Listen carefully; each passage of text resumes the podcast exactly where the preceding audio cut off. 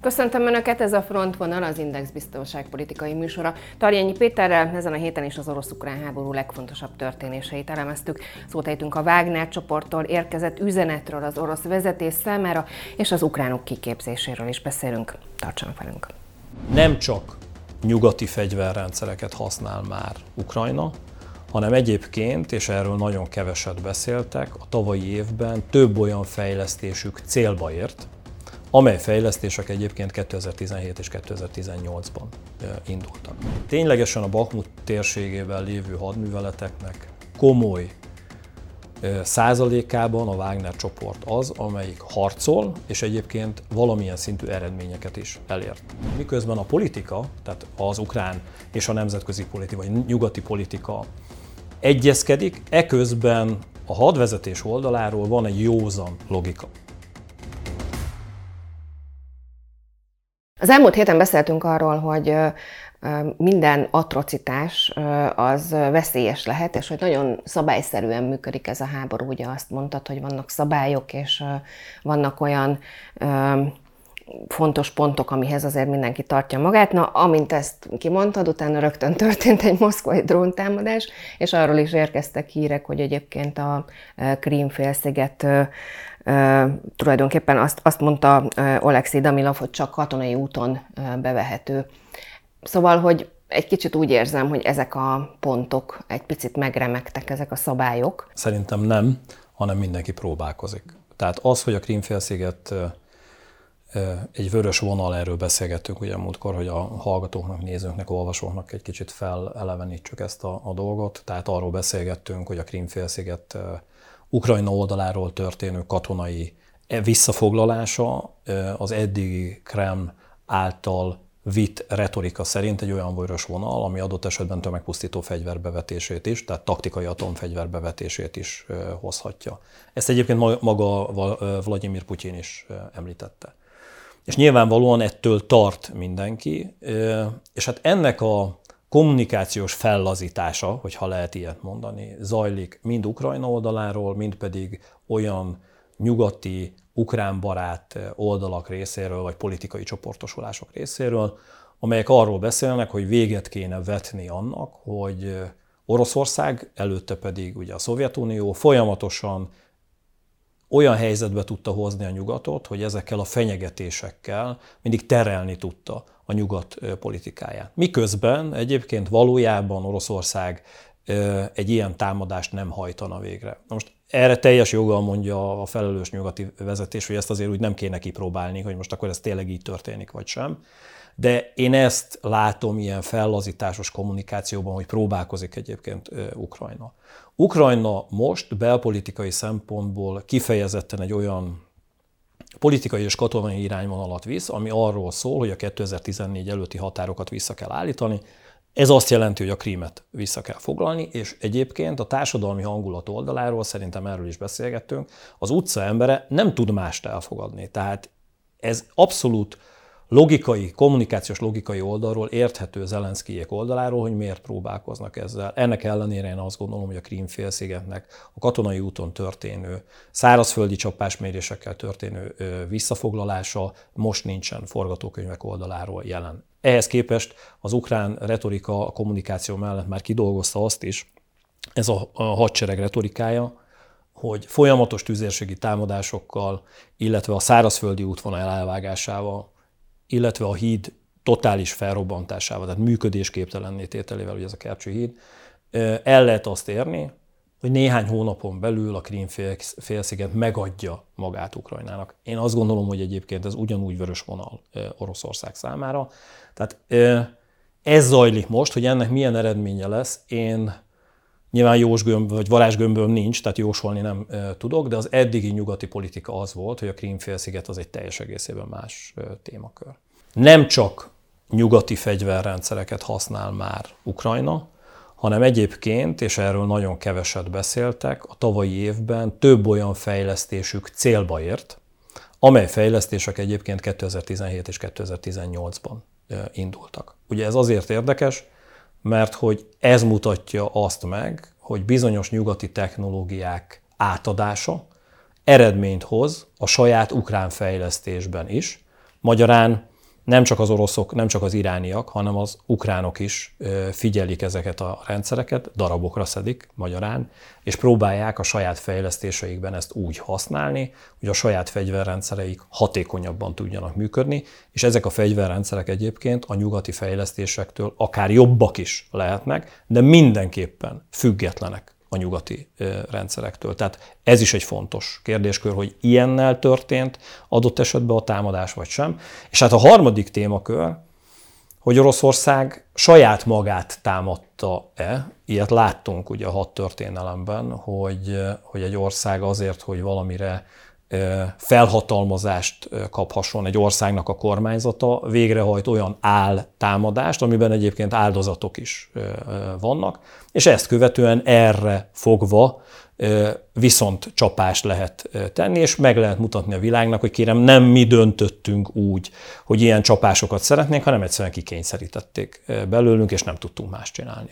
A kommunikáció világát említetted, és azért, hogyha megnézzük, hogy a lengyelországi rakétabecsapódás talán egy picit hasonló manipulatív helyzet volt, ha bár, mint kiderült végül is nem, de elsősorban, vagy az első hírek arról szóltak, hogy, hogy valójában nem lehet tudni, hogy, hogy mi történt.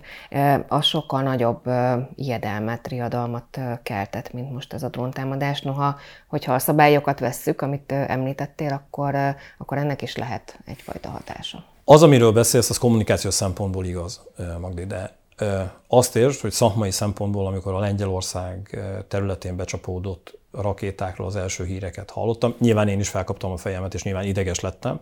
És mikor nyugodtam meg? Akkor, amikor a lengyel kormányzat bejelentette, hogy most nem így fogalmaztak, most direkt sarkosan fogalmazok, hogy bizottságot hoznak létre, és a bizottság megvizsgálja, hogy mi történt. Azt tudom mondani a nézőknek, olvasóknak, hogy amikor a egy országot vezető politikai elit bizottságokat akar létrehozni, akkor nagy valószínűséggel tudják a valóságot, hogy egyébként olyan nagy baj nincs.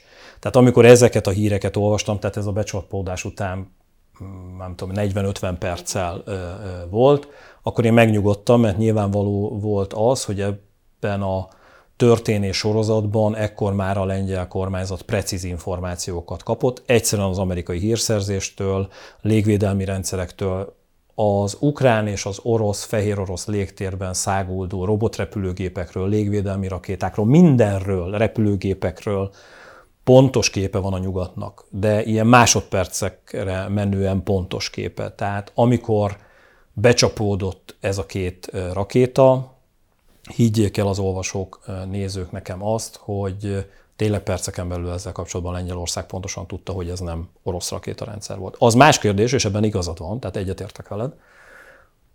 Ennek a kommunikációs hozadékában, amikor már Biden elnök is kiállt, és azt mondta, hogy kérem, itt ukrán rakétákról van szó, tehát hogy nem az oroszok tették ezt, hanem egyszerűen egy olyan harci helyzet volt, amikor célt tévesztett két ukrán légvédelmi rakéta.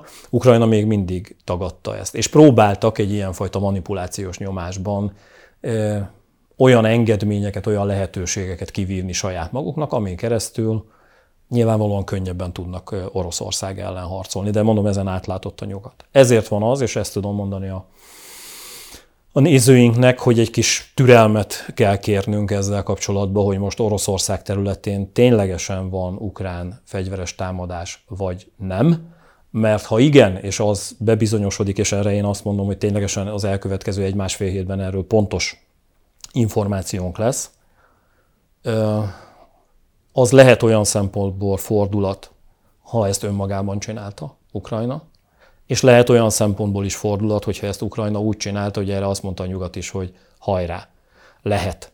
És hát ugye a harmadik forgatókönyv, hogy kiderül, hogy az egész egy, egy ilyen idegen zászlós, hamis zászlós hadművelet, amiben Oroszország játszott és keverte ismételten a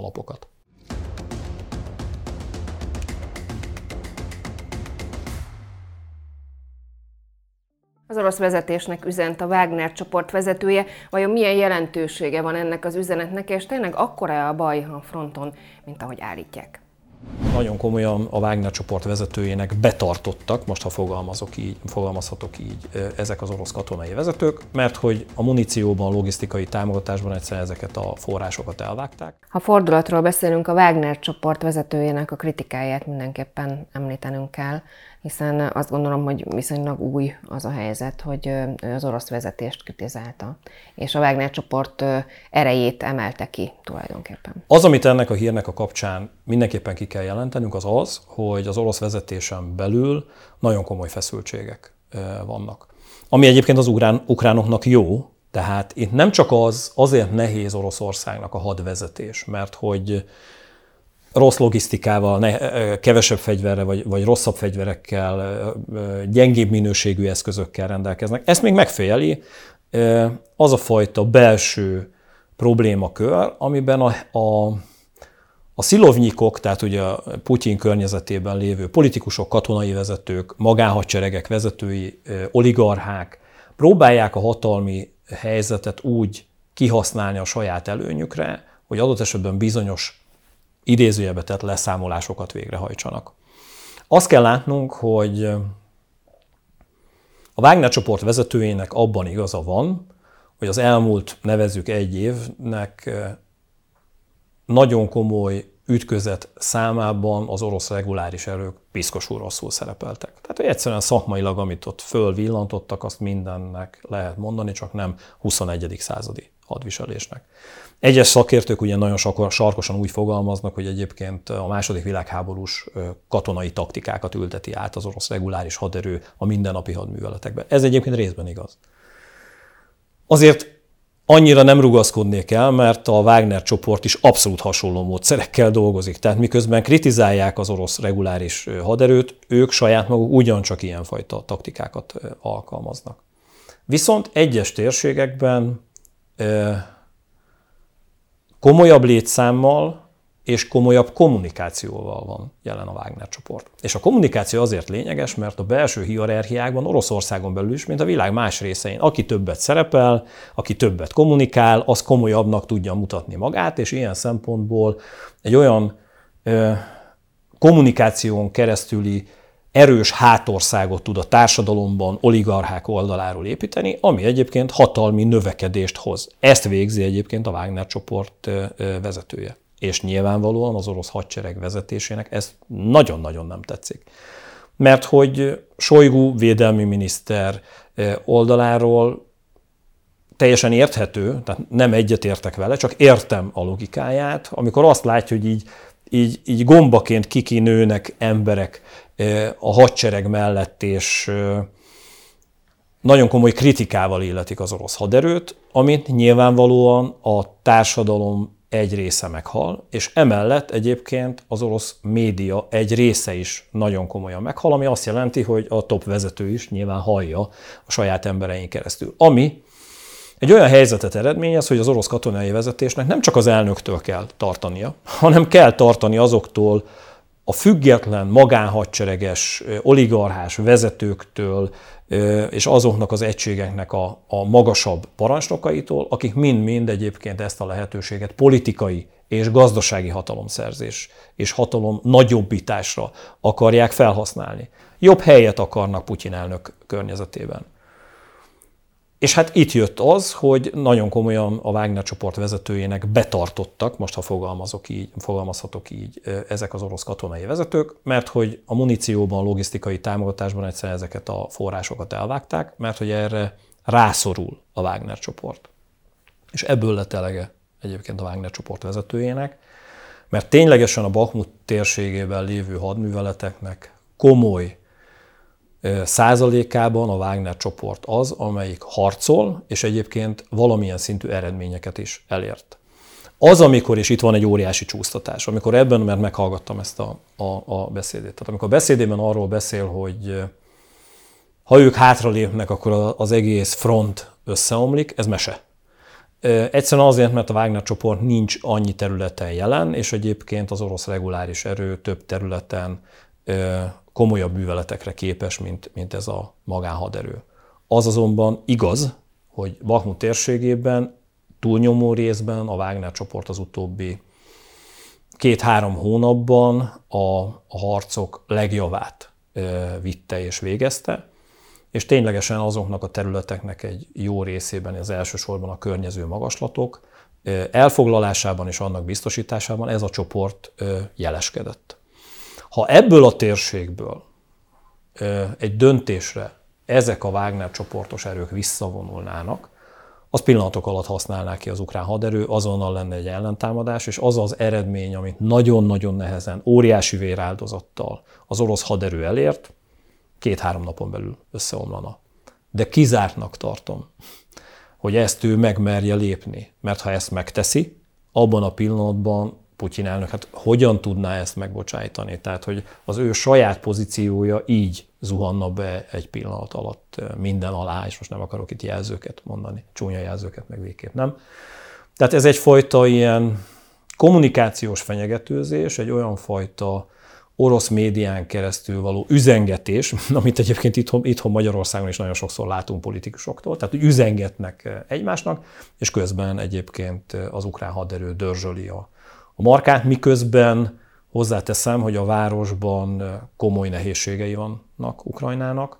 Az mese, hogy már a város centrumában zajlanának a, a harcok. Ez pont egyébként a Wagner csoport vezetője nyilatkozta, és jól megbukott, mert hogy azokat a felvételeket, amiket kirakott, azokat a felvételeket beazonosították, és kiderült, hogy ez a külterület még mindig. Tehát, hogy a városban önmagában belül Ukrajna tartja még mindig az állásokat. Az viszont igaz, hogy logisztikai szempontból az utánpótlása egyre nehezebb, és igen, felkészült Ukrajna egy olyan forgatókönyvre, hogy adott esetben ezt a várost átadja az orosz haderőknek.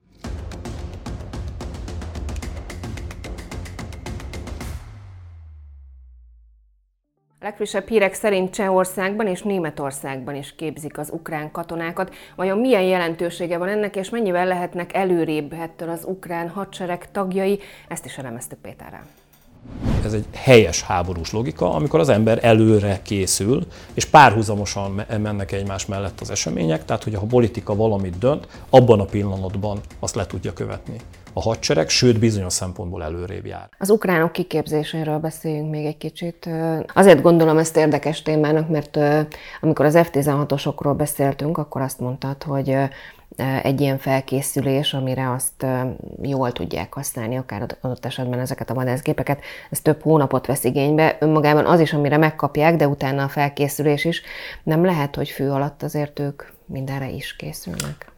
Nagyon érdekes az, amit, amit mondasz, mert hogy emellett tehát én nem csak ezt a csehországi és németországi felkészítést említeném, az Egyesült Államokban megjelentek olyan hírek, hogy pilótaképzés is zajlik az Egyesült Államok területén. Ami azért érdekes, és ez szakmailag, hogyha erre rátekintünk, abszolút mutatja azt a helyzetet, hogy miközben a politika, tehát az ukrán és a nemzetközi politika, vagy nyugati politika egyezkedik, eközben a hadvezetés oldaláról van egy józan logika. Pontosan az, amit te mondtál, és erről beszélgettünk korábban, illetve én is említettem, hogy a szárazföldi haderő eszközeinél is nem egy-két nap a felkészítés, ott is hetek, vagy adott esetben egy-két hónapról beszélünk. A pilóta képzésnél ez jóval-jóval több, tehát adott esetben ez négy-öt hónap is lehet. De abban az esetben, ha a politikától függetlenül egyébként a harcoló állomány, tehát a harcoló katonák felkészítése megtörténik, ők rendelkeznek egy tudással. Eszközt nem kapnak, de a teljes kiképzés már elindul, fű alatt, ahogy te fogalmaztál.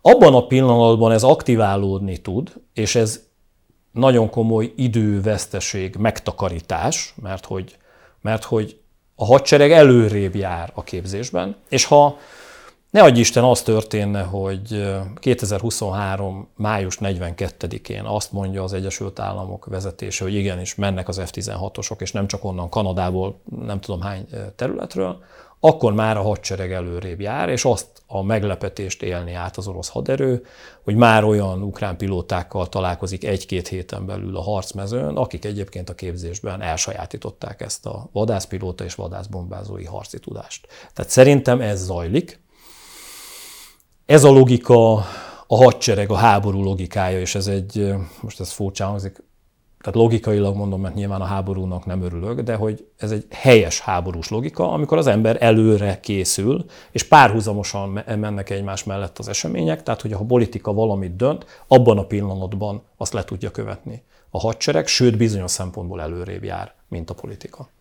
Ukrajna ezt egyébként támogatók nélkül nem tudná lekövetni. Nyilvánvalóan nem. De, Tehát, hogyha nem fogadnák őket. Igen, de azt, azt értsd, hogy ez két oldalú tevékenység. Tehát, hogy nagyon sokszor ezt elintézi különösen az orosz médiában, hogy jó, hát itt az ukránok nem csinálnak semmit, mindent a nyugat csinál túrót. Tehát, hogyha az ukránok ebben nem vennének részt aktívan, ha nem lenne Ukrajna területén összeszervezve, hogy legyenek pilóták, hogy azok a pilóták eh, megfelelő felkészültsége rendelkezzenek már ott Ukrajna területén, és ne csak a pilótákról beszéljünk, tehát itt mérnökökről, eh, repülőgépszerelőkről, helikopterszerelőkről, tehát olyan üzemeltetői eh, tudásról van szó, amit egyébként Ukrajna a saját szakálára, saját maga kell. Ezt nem fogja helyettük senki megcsinálni.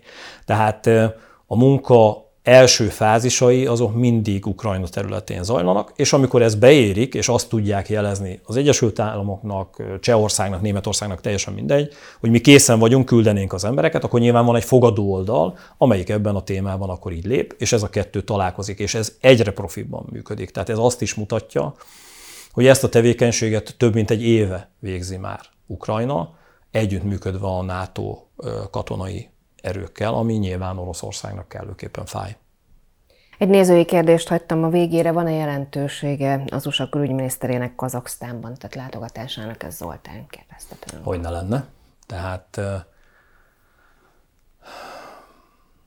azt láthatjuk, hogy egyrészt van egy nyugtató tevékenysége a nyugatnak az utóbbi időszakban, megjelent orosz félelmekkel kapcsolatban, ami arról szól, hogy Oroszország a kommunikációjában folyamatosan beszél arról, hogy tulajdonképpen a nyugat nem akar más, mint szétzúzni Oroszország területét, Oroszország működését, egyáltalán az orosz világot, azt az orosz birodalmi gondolkodást, ami ténylegesen Kelet-Európától a csendes óceánig, a távol-keleten, Közép-Ázsiában mindenhol jelen van. Tehát egyrészt ezt nyugtatja az Egyesült Államok külügyminisztere, amikor ezeken az egyeztetéseken azokat a függetlenségi gondolatokat egy picit óvatosságra inti, amelyek egyébként ezekben a térségekben mindenhol megjelentek.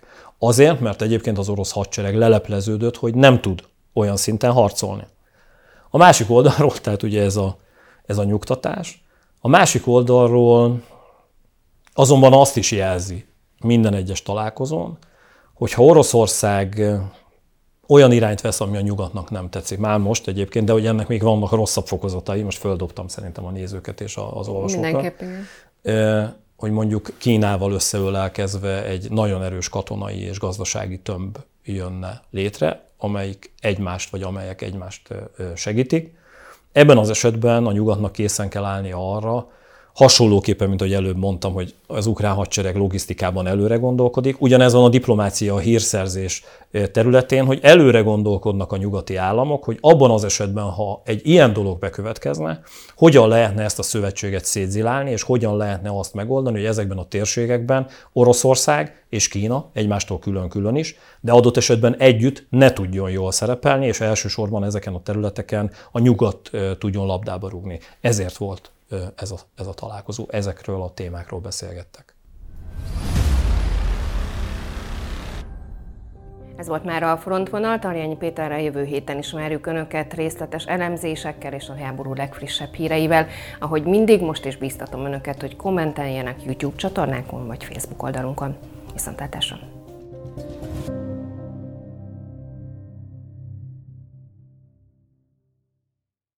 A műsor a Béton partnere.